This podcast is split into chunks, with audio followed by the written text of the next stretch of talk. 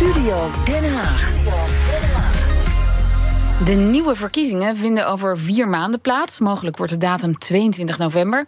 En als de formatie daarna net zo lang duurt als de vorige keer, nou dan hebben we misschien met kerst 2024 een nieuwe regering.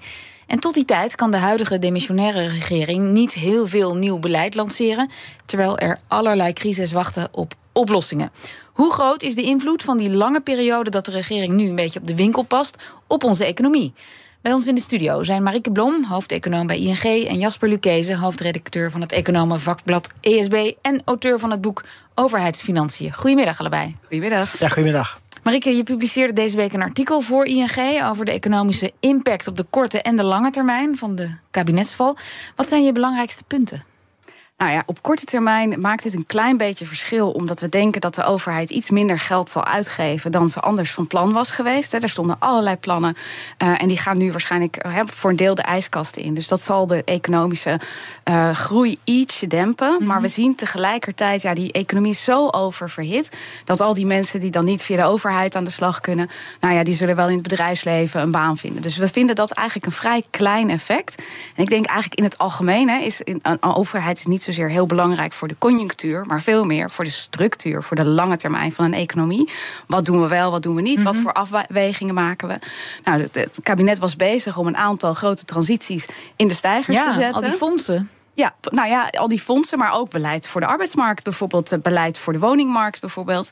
Uh, en we denken eigenlijk dat die impact veel groter is, veel belangrijker is. En dat is niet impact waar we gelijk morgen iets van merken, maar wel waar je he, in de komende jaren, misschien zelfs wel in de komende decennia van merkt, dat die nu in de ijskast worden gezet. Dus dat vinden we eigenlijk een ernstiger effect ja. voor de economie. En dat lokt ook, dat zorgt voor onzekerheid bij ondernemers.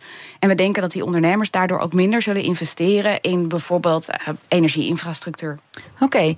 en Jasper, de val van onze regering, in hoeverre be beïnvloedt die onze economie in jouw ogen? Ja, normaal was er het economengrapje. Als er geen regering is, is dat goed voor, uh, voor bedrijven, voor business. Want dan is er ook geen beleidsonzekerheid met allemaal nieuwe plannen die op je afkomen waar je wat meer moet als ondernemer.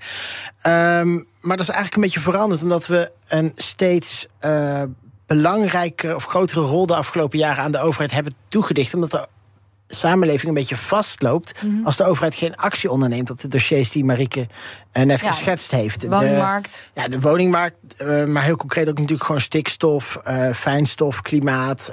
weet je, als je op al die fronten niks doet... Om geen keuzes maakt, dan kun je ook geen nieuwe dingen doen. Mm. Dus waar het grapje altijd was: geen regering goed voor business. Want dan kun je lekker door, is nu het idee, ja, er is geen regering. Dat is ook niet zo heel goed voor business, zeg maar. Dus de, toch maar liever wel een kabinet. Ja, liever wel een kabinet. En uh, ja, we hebben het al eerder meegemaakt, een beetje een déjà vu. Zes keer sinds 2002 dat we met een demissionaire regering kwamen te zitten. Is er dan nu een verschil? Ja, maar het verschil is denk ik dat op een aantal hele belangrijke dossiers waar Nederland nu op, op slot zit, de. Um, uh, nee, dat ook daadwerkelijk op slot zit. He, dus er kan minder nieuw gebouwd worden door die stikstofnormen. Er kan minder. Um, um, uh, nieuw, er kan, al die klimaatnormen leiden er ook toe dat er, dat er gewoon net wat minder mogelijk is op, op langere termijn. En dat was natuurlijk in die eerdere demissionaire periodes niet zo. Ja. En een ander belangrijk aspect, wat denk ik nog onaangestipt is, is dat de onzekerheid waar het nou heen gaat, nu groter lijkt dan dat die eerder was. Um, de, uh, Heb je daar een voorbeeld van? Nou ja, we, we weten gewoon helemaal niet wat voor soort kabinet we krijgen. Of we weer een kabinet krijgen uit middenpartij. Dat werd altijd aangenomen dat er een. Hè, dan komen de verkiezingen. Ja. Dan, schuift, dan schuiven wat zeteltjes tussen de middenpartijen. Even van een afstandje af bekeken. En dan krijg je een kabinet wat zegt: dit thema iets meer geld. Dat thema iets minder geld. En we gaan iets meer met regels werken. En iets minder met subsidies of zo. Maar nu is het gewoon. Ja, er, er kan een rechtsminderheidskabinet komen. die gewoon een hele hoop beleid niet kan gaan doen. Uh, er, kan, uh, er kan een hele lange periode van politieke onzekerheid vormen, omdat ze er gewoon echt niet uit gaan komen. De uh, verschillende rating agencies die zeggen gewoon ja, de politieke onzekerheid is in Nederland groter dan dat die eerder geweest is. En Marike, die politieke instabiliteit, zie jij dat ook als een hele grote factor? Ja, ik denk eigenlijk dat we met z'n allen daar heel erg verdrietig over zouden moeten zijn. Uh, aan de ene kant de val van het kabinet, maar voortdurend dus kabinetten die de rit niet uitzitten. De onzekerheid over hoe een volgend kabinet is samengesteld. Wie de klussen nog willen doen. Hè, dat is natuurlijk toch ook wel het thema van vandaag. En hoe lang een volgend kabinet dan weer blijft zitten. En ondernemers zeggen eigenlijk vaak ik kan best wel uh, een transitie aan. Hè, maar wat ik nodig heb is, is stabiel, betrouwbaar, transparant beleid. Hè. En dan zeggen ze: waarom biedt de overheid mij dat nou niet? Nou, en het antwoord is: omdat we ongelooflijk politieke fragmentatie hebben. En omdat het een hondenbaan geworden is om politicus te zijn. En die twee versterken elkaar ook nog heel erg. Dus ik denk dat, dat dit echt een dag is, hè, of een week is, om je met z'n allen, hè, als je zegt van nou, dat daar zou ik nou behoefte aan hebben. Aan een beetje stabiel beleid, weten waar ik op kan rekenen. Om echt te voelen van ja, hier is ons iets aan het ontglippen waar wij gewoon nog jarenlang last van gaan maar, hebben. Maar komt dat ook niet door de veel te lastige dossiers? Op dit moment. We hebben echt wel met hele moeilijke dossiers te maken. Um, migratie, waar het veel over gaat. Maar inderdaad, wat je al noemde, woningbouw, stikstof... die zijn toch wel een stuk lastiger dan, uh, dan, uh, dan tien jaar geleden, bij wijze van. Nou, ik denk dat er eigenlijk altijd wel lastige politieke dossiers geweest zijn. Ik bedoel, als je het, het hele sociaal stelsel is in de afgelopen decennia ook ingrijpend verbouwd. En dat heeft ook grote gevolgen voor mensen gehad. Dus ik denk ja dat die Jasper zegt het net, we lopen tegen de grens aan. En dat betekent dat er afruilen gemaakt moeten worden. Dat er ook soms iets niet meer kan. En dat dat, extra, dat dat lastig is, iets lastiger dan vroeger. Maar ik denk dat met name de feedback loop die nu in de politiek plaatsvindt. Het is heel makkelijk om je onvrede te uiten. En dat kun je heel gemakkelijk via sociale media doen. En daarmee kun je eigenlijk ook al heel snel een stem van belang worden over wat raak ik hier kwijt, welke pijn wordt mij hier aangedaan. En dat, dat verlamt, denk ik, de politieke besluitvorming heel sterk. En politici zijn dus eigenlijk voortdurend hè, over hun schouder aan het kijken of, ik, of ze niet per ongeluk een vergissing maken. En mensen willen graag politici die dapper zijn, maar het, het zijn helemaal niet omgeven, omstandigheden om dapper te zijn. En je zei net, ja, uh, ondernemers die, die zeggen eigenlijk geef ons transparant, uh, een beetje duurzaam beleid, dat we weten waar we aan toe zijn. Maar ja, we stemmen ook allemaal op die partijen. Ja, precies. Ja, dus, het, ja, dus dit gaat volgens mij veel meer. De regering die je verdient. Hè? Ja, ja, dit gaat veel meer over onszelf. Hè. Ik denk, ik, ik, het voelt voor mij als een moment waarop we, als we met z'n allen, hè, uh, en ook ik doe dat, hè, ook ik geef kritiek op be beleid soms. Als we met z'n allen tegen elkaar zeggen, ja, nou die politici, om te zeggen van ja, maar luister, welke rol spelen wij hierin? Hè, proberen we ook met z'n allen wat beter te maken? Dragen we ook iets positiefs bij? Of klagen we alleen maar mm. tegen elkaar wat er nu weer mis is? Ja. En maar ja, dat is een cultuurverandering. Dat is een van de moeilijkste. Ja. Dan moeten we weer terug naar de maatschappij. Dat ben jij een beetje. Ja, en ik heb dus ook helaas niet de makkelijke oplossing. Hè? Want als de makkelijke oplossing er zou zijn, dan zouden we het met z'n allen wel geregeld hebben. Ik zou wel vooral willen zeggen: van dit is dus economisch relevant. Dit is voor ondernemers relevant. En, en als je nou, hè, zeg maar, vanavond op je borrel of, of, of in het weekend op de verjaardag van je kinderen nog weer eens tegen iemand loopt te klagen, vraag je dan ook eens af van nou, hoe zou ik nou wel denken dat het dan voor elkaar kan mm. komen? Want het is zo makkelijk ja. om nu met z'n allen te zeggen. Ja, er zijn heel veel vacatures in de politiek, dus mensen kunnen, kunnen opstappen. Ja, nou, maar dat, ja, maar zeker. Maar dat is toch ook een, een, een heel belangrijk onderdeel van deze onzekerheid. Dat het dus zo onaantrekkelijk geworden is. En, en dat lijkt mij in ieder geval iets heel concreets. Waar we met z'n allen over na, hè, zeg maar, waarvan je zou kunnen zeggen. Wie gaat er opkomen voor de politicus die het wel durft te doen? Hè?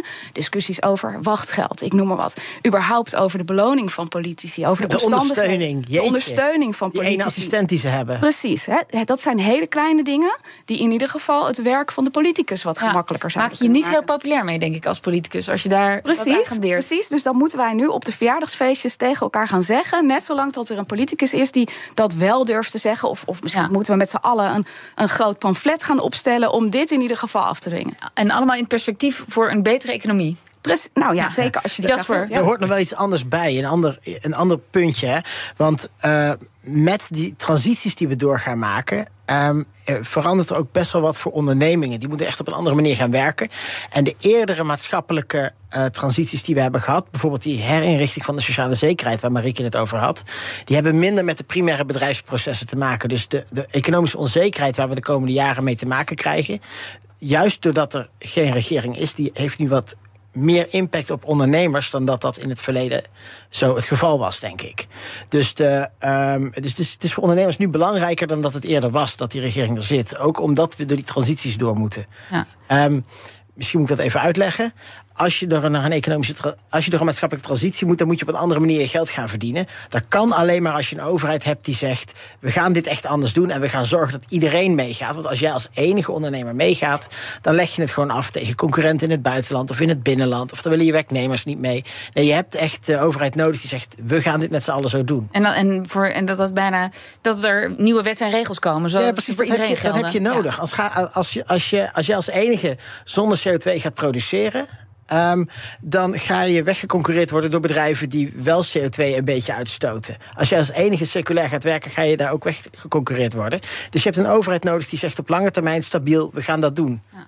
En als je terugkijkt, hè, Rutte 4 heeft er 18 maanden gezeten, dus ja. anderhalf jaar. Wat hebben ze economisch voor elkaar gekregen? Ja, het heet een uitstelkabinet. En dat is het natuurlijk ook wel. Ze hebben niet heel veel grote dossiers verder gebracht op de pensioenhervorming, denk ik, na.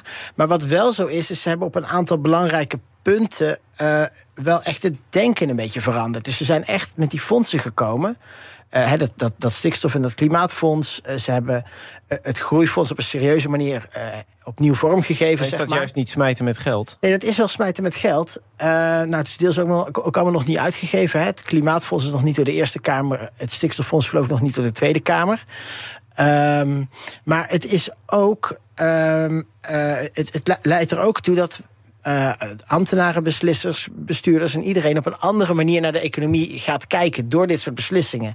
Ze nemen ook um, nou ja, grip en draagvlak op een serieuzere manier mee. Um, we zijn okay. van de homo economicus afgestapt. Dus er is, dit kabinet heeft niet zoveel in economische zin gedaan, denk ik. Maar in de manier waarop we naar de samenleving kijken, is er, iets is er wel echt iets veranderd. Maar je noemt het een uitstelkabinet. Ben je het daarmee eens, Marieke? Nou, wel veel in de stijgers gezet, denk ja, ik. Daarom, en ik bedoel, ja. daar kan ik het met van allerlei dingen kan ik nog nuances over hebben. Had het een beetje zo of had het een beetje zo gedaan. Hè? Maar als het gaat over de arbeidsmarkt, hè, is echt een groot, uh, ambitieus uh, ja. pakket. Is er Minder voorgesteld. flex, meer vast. Precies, hè, dat, dat is uitgewerkt. Dat is geen sinecure in de Nederlandse polder. Uh, als je kijkt naar de woningmarkt, hè, daar is daar is veel in ingegrepen. Als je kijkt naar klimaat, als je kijkt naar stikstof, het, zeg maar, het, ze hebben wel, ze zijn met onderwijs begonnen, hè, ook heel cruciaal voor onze toekomstige economie. Dus ze zijn wel degelijk heel veel bezig geweest. Alleen ja, je hebt niet zo, je hebt nog De niet zo heel veel resultaten zijn tijd. er gewoon niet. Nou ja, goed, het, dat is ook logisch, toch? We hebben Na toch een anderhalf hoge jaar. inflatie nu door, door hun uh, generieke steun. Is dat juist niet heel erg kwalijk voor de economie? Nou, ik denk, ik denk dat dat zou niet mijn belangrijkste kritiek zijn. Hè. Ik denk dat wat veel economen hebben gezegd van ja, jullie gebruiken heel veel de wortel hè, voor wat je voor elkaar wil krijgen en heel weinig de stok. En als je kijkt naar het huidige jaar, dan is er ongelooflijk veel energiecompensatie uitgegeven. Ook aan mensen die dat eigenlijk niet, Niet nodig, nodig hebben. ja. En dat heeft bijgedragen aan de inflatie. Maar ik denk, hè, en ik ben daar heel vaak heel kritisch op geweest. Maar ik denk dat het toch in de context van vandaag ook goed is om aan te geven: van ja, luister, hè, ik geef het te doen. En laat, hè, waar gaan we dan vandaag vooral naar kijken? Gaan we dan vooral kijken, ja, dat was te veel? Of gaan we dan vandaag vooral kijken, ja, heel veel in de stijgers gezet. En daarmee nu in de knop gebroken. Want hè, of het nou uh, uh, de boeren zijn of de, of de vastgoedondernemers, of noem maar op. Hè, of, of, of, uh, Iedereen is hier slachtoffer van. Nou ja, nee, maar je ziet ook de eerste geluiden van... hé, hey, hey, we, we hebben toch weer hoop dat het dossier onze kant op gaat komen. En daarmee hè, dat, dat allerlei bewegingen... Die, hè, waarvan mensen ja, schoorvoetend zo langzamerhand die kant op begonnen te gaan... Ja, dat die weer in de knop gebroken zijn en iedereen weer op zijn handen gaat zitten.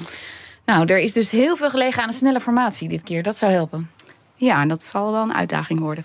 Dank voor nu. Marieke Blom, hoofdeconoom bij ING... en Jasper Lucchese, hoofdredacteur van ESB, het Economenvakblad.